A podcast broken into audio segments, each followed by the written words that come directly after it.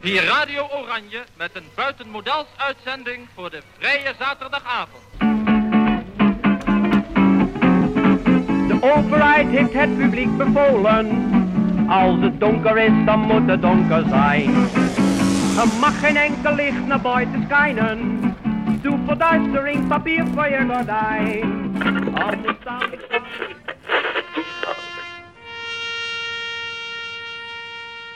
Bezet. Audiomonumenten van de stad Amsterdam.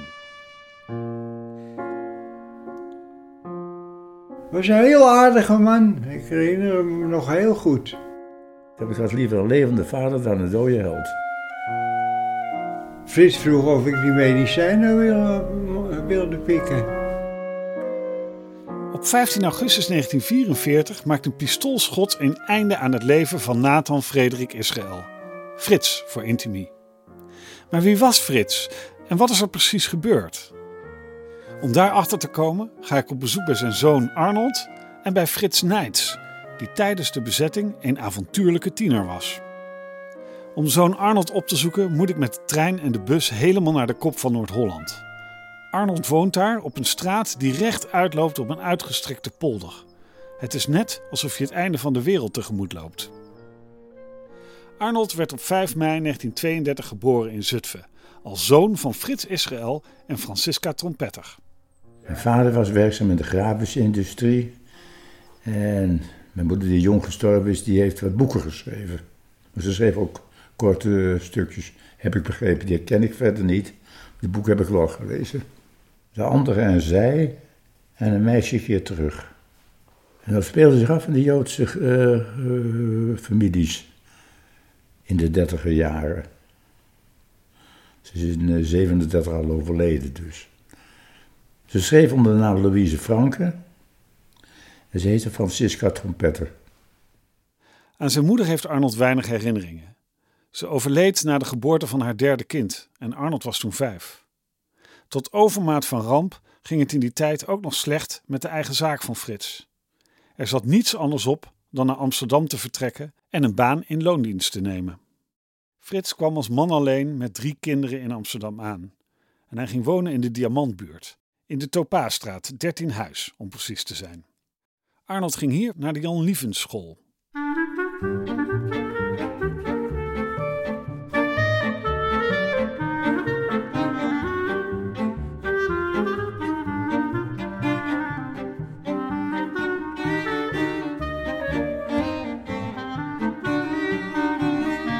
15 juli 1928 werd in de Orteliusstraat 107 in West Frits Nijts geboren. Nijts was zoon van de Joodse vader Zedok Wening en Anna Nijts, een niet-Joodse moeder. Hij woont weer om de hoek van zijn geboortestraat in een aanleunwoning. En hij is een bezige baas. Hij is nog lid van een bond en regelt van alles voor zijn medebewoners. Nou ja, wat mij als kind sterk is bijgebleven altijd, is dat mijn moeder was een fanatieke sociaaldemocraat. Die zat in het bestuur van de SDAP en wij hadden in de Beste Vaarstraat, toen ik daar nog woonde, beneden kwamen altijd de partijgenoten bij elkaar, het bestuur. Dat herinner ik me heel goed als, kinderen, als kind. En mijn twee oudste broers, ik was daar te jong voor, die zaten in de AEC. En die gingen zomers altijd naar het vakantiekamp in Vierhouten. En mijn vader was een Joodse zakenman. Was niet zo'n prettige man, helaas. Was meer zakenman als vader. Ik kan me niet herinneren dat hij wel eens met mij naar de voetbal is gegaan of, uh, of andere dingen gedaan had. Maar hij was altijd bezig met zaken. Hij was onder andere directeur van de Hollandse Manege. Hij zat in het bestuur van het Tuschinski Theater. Hij deed van alles. Daarom was hij ook bijna nooit. Zadok was een man in pak, zo één met een horloge aan een kettingje in zijn vestzak. Hij was een druk bezet man. En hij had het niet alleen maar druk met zaken. Zadok was namelijk ook nogal een versierder. Hij had al twee kinderen bij zijn eerste vrouw, maar die zat in een psychiatrische inrichting. En daardoor kon Zadok niet met Anna trouwen. Pas na de oorlog zouden ze heel even trouwen. Maar dat huwelijk hield niet langer dan een jaar stand. In totaal zou Zadok vier keer trouwen tijdens zijn leven en minstens negen kinderen verwekken bij diverse vrouwen.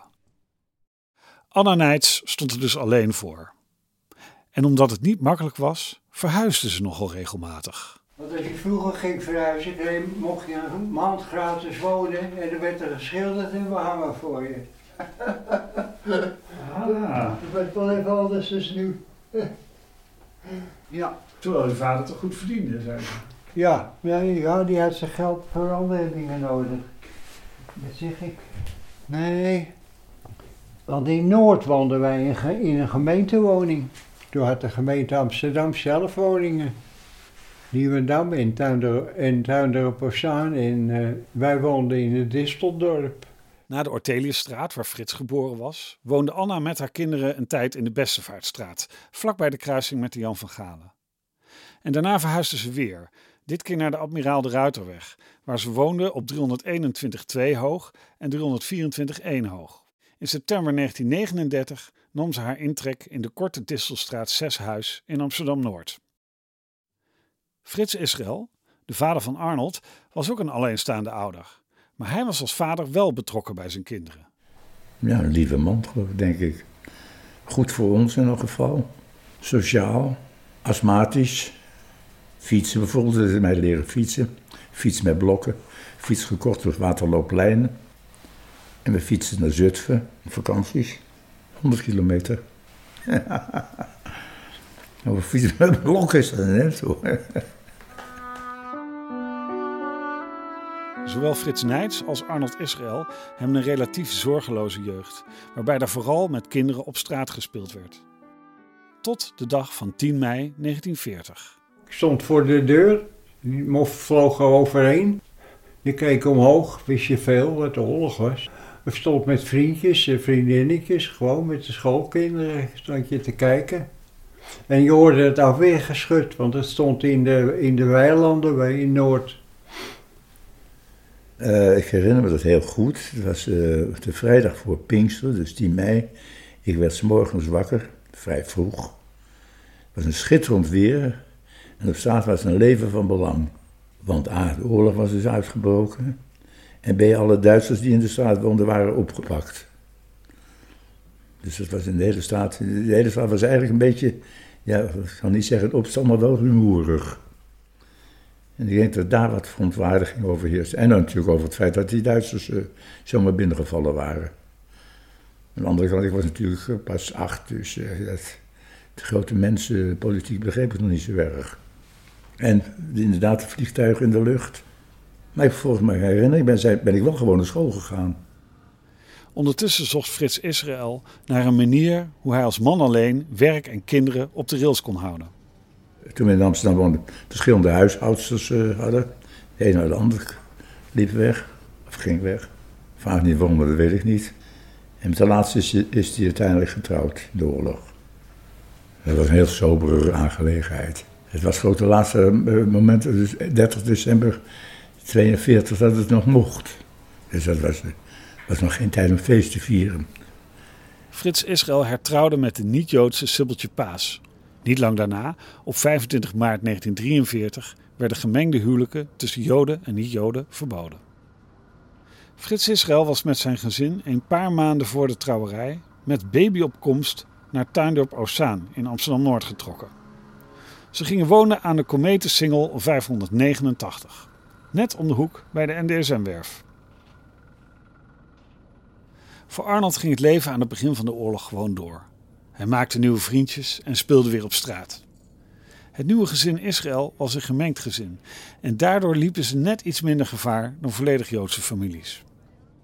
Toch moesten vader Frits, Arnold, zijn broertje Ronald en zijn zusje Ellen op een gegeven moment een Jodenster dragen. Nee, wij, wij als kind waren volledig Joods natuurlijk. Het kind, het kind wat geboren is uit het dat was een, eh, geen Joods kind, of tenminste een half Joods. En moesten naar de Joodse school, geen ogenblik. Wij waren helemaal niet Joods opgevoed. En daar kregen we dus te maken met Joodse feestdagen. Dat was in december en zo, dus eh, die tijd. Ik wist, ik wist van het Joodse geloof dus helemaal niks af. Nog niet trouwens, maar... En daar werd ik er wel mee geconfronteerd, maar dat vond ik dan... eh, Wel leuk. Maar dat was een klein schooltje. En ze dan kwamen kinderen niet meer opdagen. Dan waren ze opgehaald. Ja, dat wist je, dat gebeurde. Wat er met ze gebeurde, wist je niet. Kijk, natuurlijk, nu weet je precies wat er wel ging gebeuren. Maar daar had je toen geen, eh, tenminste ik had er eh, geen enkel idee van. Ik weet of mijn vader idee had wat er gebeurde met mensen die afgevoerd werden. Als kind had je daar geen idee van.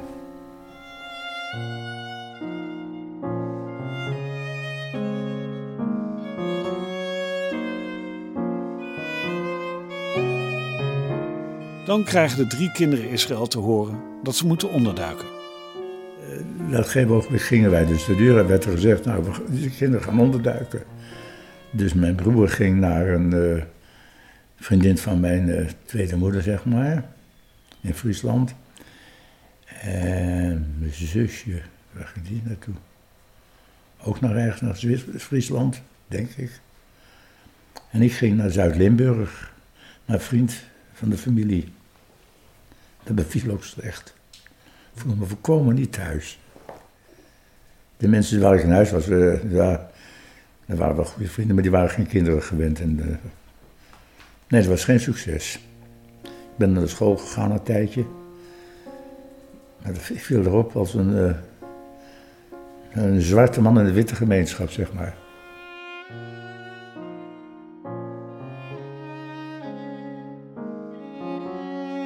Het werkt niet. En na een paar maanden keert Arnold terug naar de Kometensingel in Amsterdam. Vader Frits woont inmiddels niet meer thuis, maar komt alleen zo nu en dan nog langs. Wat hij deed en waar hij was, wist Arnold niet. Maar vader Frits was toen al enige tijd actief in het communistische verzet. Ik weet wel dat hij vanuit, van huis uit, van zichzelf van de SDAP was. Hoe hij later bij de CPN terechtgekomen is, is onbekend. Hoe hij eh, aan dit werk gekomen is, is mij volkomen onbekend. Hoe Frits Israël bij het communistisch verzet is gekomen, weet Arnold niet. Tijdens de meeste activiteit in het verzet zag hij zijn vader nauwelijks. Wel bekend was dat hij zich ophield in de Distelbuurt. En wie hem daar tegen het lijf liep, was Frits Nijts.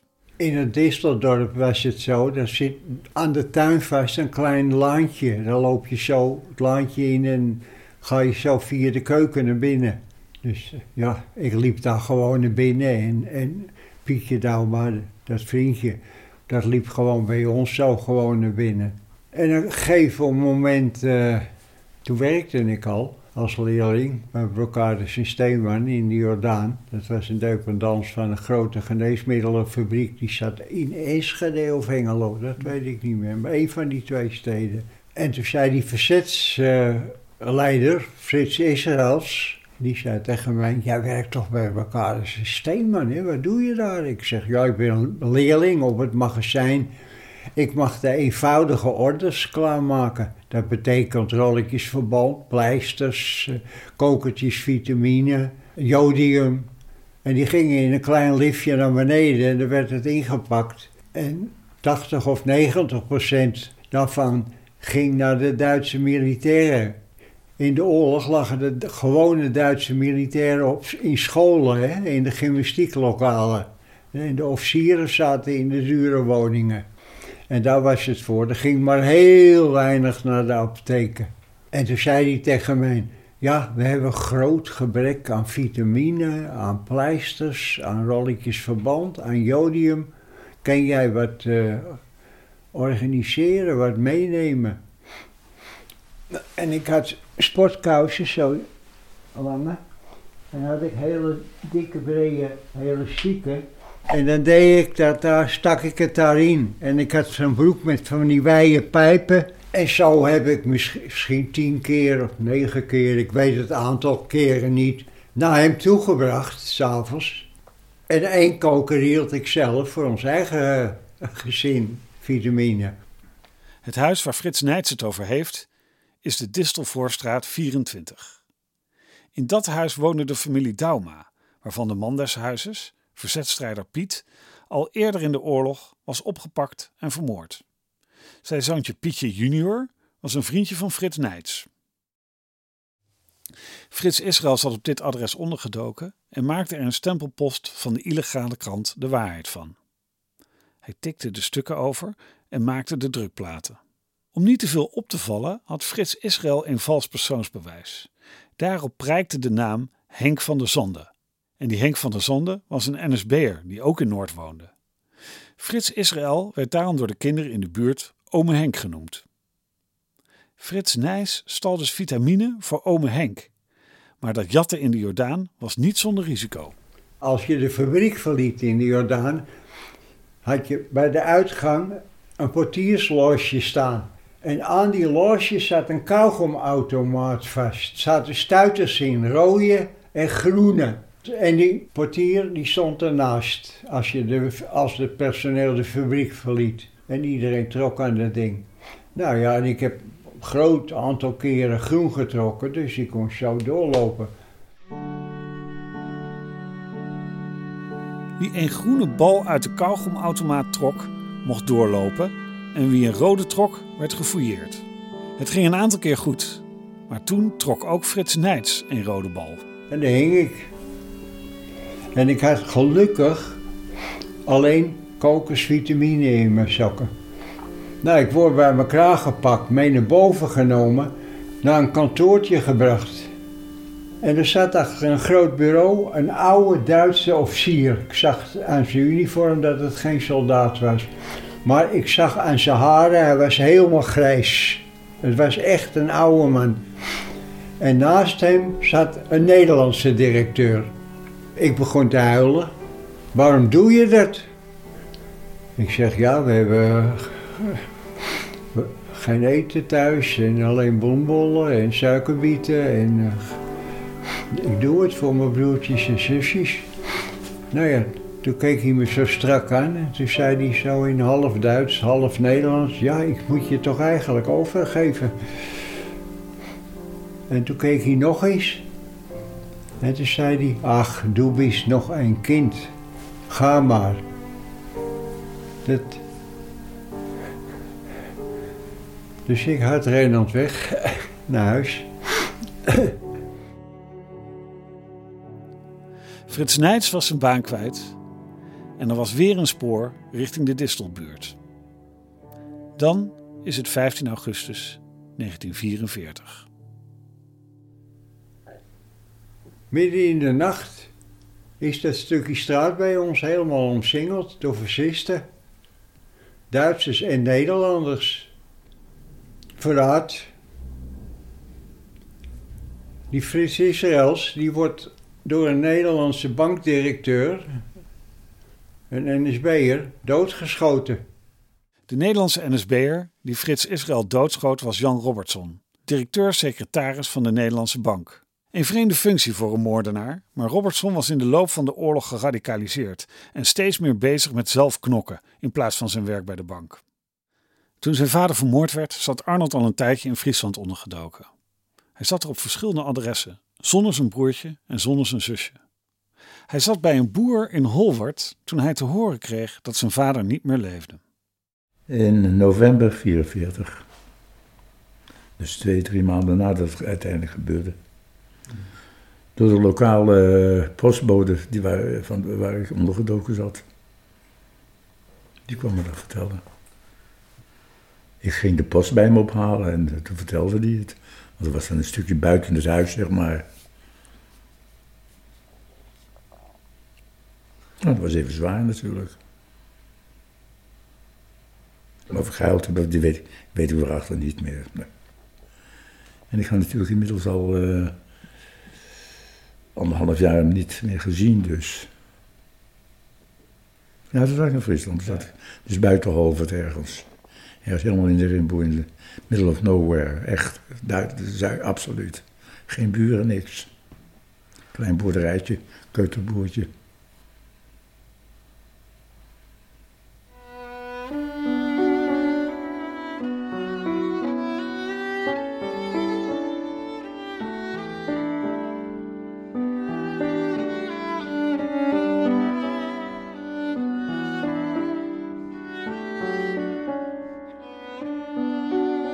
Frits Nijts zat al die tijd in Amsterdam. ook toen de hongerwinter uitbrak.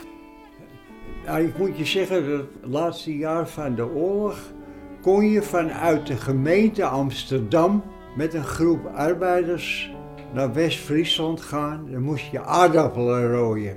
En als je klaar was, dan kreeg je een eh, zak aardappelen op je rug mee.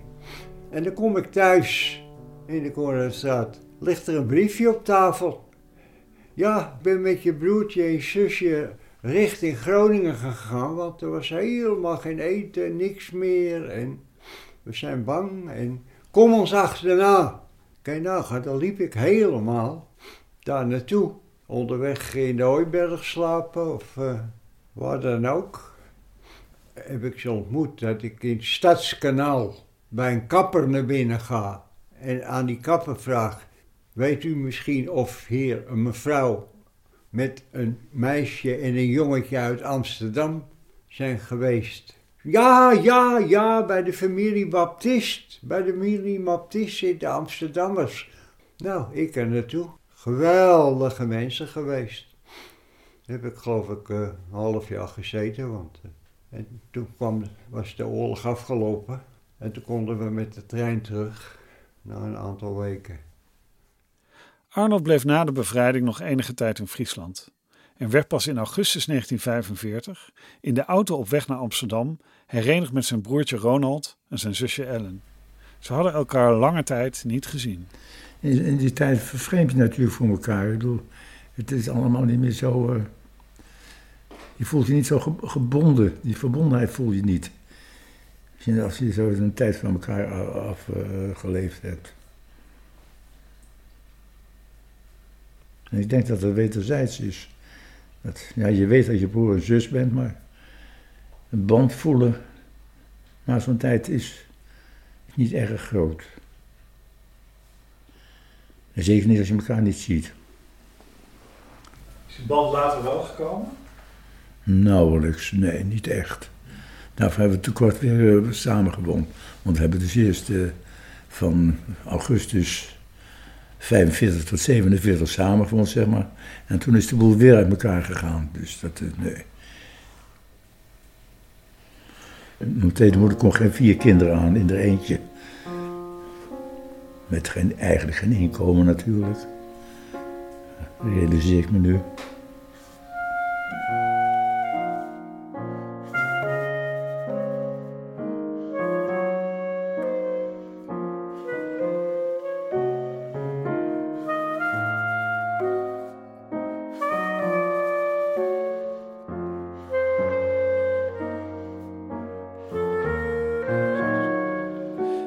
Naar De Zoon en het Hulpje van de Verzetstrijder.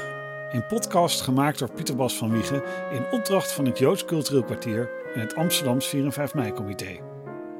Dit verhaal is eerder te horen geweest tijdens Open Joodse Huizen, Huizen van Verzet. Een live programma waarbij de Joodse en verzetsgeschiedenis wordt verteld op de plek waar het verhaal zich daadwerkelijk afspeelde. De muziek die je hoorde is speciaal voor deze serie gecomponeerd door Maarten Ornstein en ingespeeld door hemzelf en leden van muziekcollectief Splendor. De komende weken verschijnen er meer afleveringen van Bezet, audiomonumenten van de stad Amsterdam. Dus ik zou zeggen, klik op die volgbutton, geef ons een mooie waardering en blijf luisteren.